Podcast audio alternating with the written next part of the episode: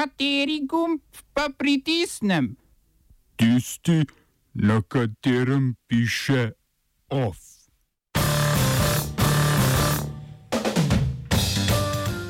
Tunizijska volilna komisija odobrila tretjino predsedniških kandidatov. Argentinski predsednik po slabem rezultatu primarnih volitev napovedal dvig minimalne plače in subvencije za benzin. Facebook priznal, da je prepisoval glasovne posnetke svojih uporabnikov.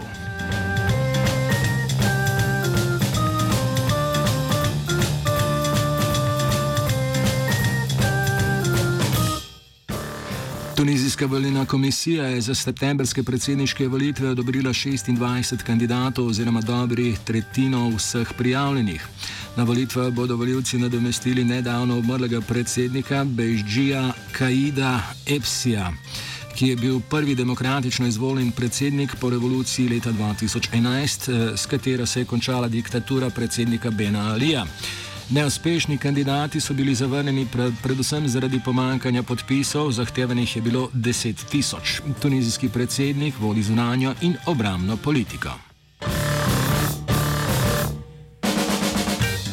Brazilci ponovno protestirajo proti vrčevalnim rezom predsednika Žaira Bolsonara, tokrat v izobraževanju. Študentje in učitelji od osnovnošolskih do univerzitetnih so protestirali proti zmanjšanju sredstev za izobraževanje na splošno, julijskemu zmanjšanju proračuna zvezdne vlade za nakup učbenikov v osnovnih šolah in spodbujanju vlaganj privatnega sektorja v državne univerze.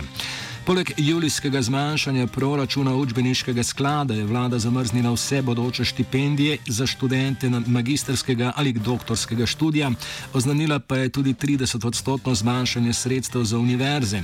Protesti so se odvijali v 72 brazilskih mestih, vendar v manjšem številu kot maja, ko so prav tako protestirali proti rezom v izobraževalnem sektorju.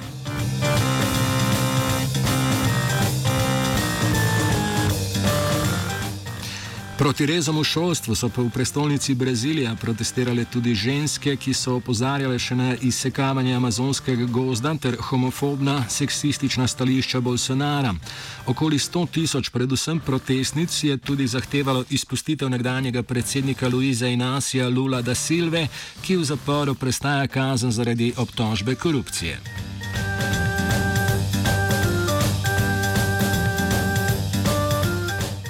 Ostajamo v Južni Ameriki. Argentinski predsednik Mauricio Macri je napovedal omilitev svoje strani mednarodnega denarnega sklada odobrene varčevalne politike, ki je bila temelj njegovega predsedovanja zadnja štiri leta.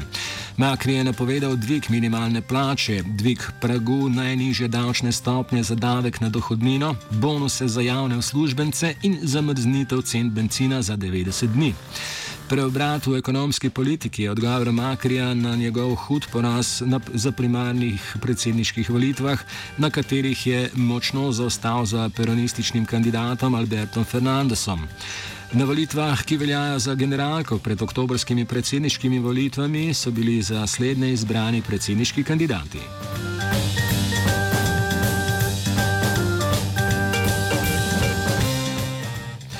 Podjetje Facebook je priznalo, da je najelo zunanje podjetje, da bi prisluškovalo in prepisovalo zvočna sporočila med uporabniki v aplikaciji Messenger. Facebook trdi, da je bil namen izboljšanje sistema prepoznavanja glasov, ter da so to počeli le pri uporabnikih, ki so snemanje dovolili. Vseeno pa so, kot trdi Facebook, takšno prakso opustili prejšnji teden. Facebookova pravila o ravnanju s podatki uporabnikov sicer nikjer ne omenjajo, da je poslušanje sporočil uporabnikov dovoljeno. Facebook je že četrto podjetje, ki je priznalo, da je prisluškovalo in prepisovalo glasovne posnetke uporabnikov, enako kot Google, Amazon in Apple. Vsi štirje tudi trdijo, da je bil namen le analizirati in izboljšati sistem glasovnega prepoznavanja, ter da so prenehali, ko so jim nevladne organizacije opozorile na spornost takega početja.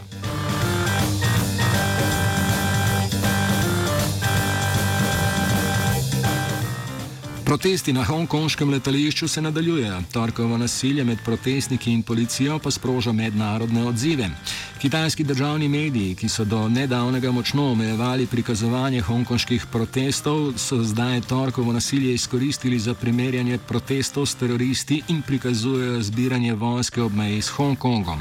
Ameriški predsednik Donald Trump je nakazal, da bo pogojeval uspešen zaključek pogajanj o trgovinskem sporu med državama z razrešitvijo krize. Protestniki nadaljujejo s protestom, z miroljubnim sedenjem, med drugim s plakati, ki se opravičujejo potnikom za preklice letov.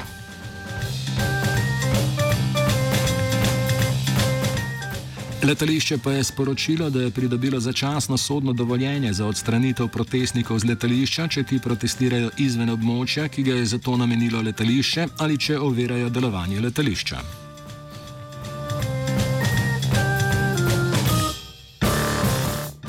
South China Morning Post pa poroča, da je Kitajska okrepila nadzor na meji s Hongkongom. Na podlagi sporočil in slik njihovih telefonov so aretirali pet domnevnih udeležencev protestov. Protesti v Hongkongu imajo sicer že znaten vpliv na tamkajšnje gospodarstvo. Hongkonška vlada je zato napovedala dobri dve milijardi evrov težak program davčnih spodbud, namenjenih tistim z najnižjimi dohodki in večje subvencije za študente.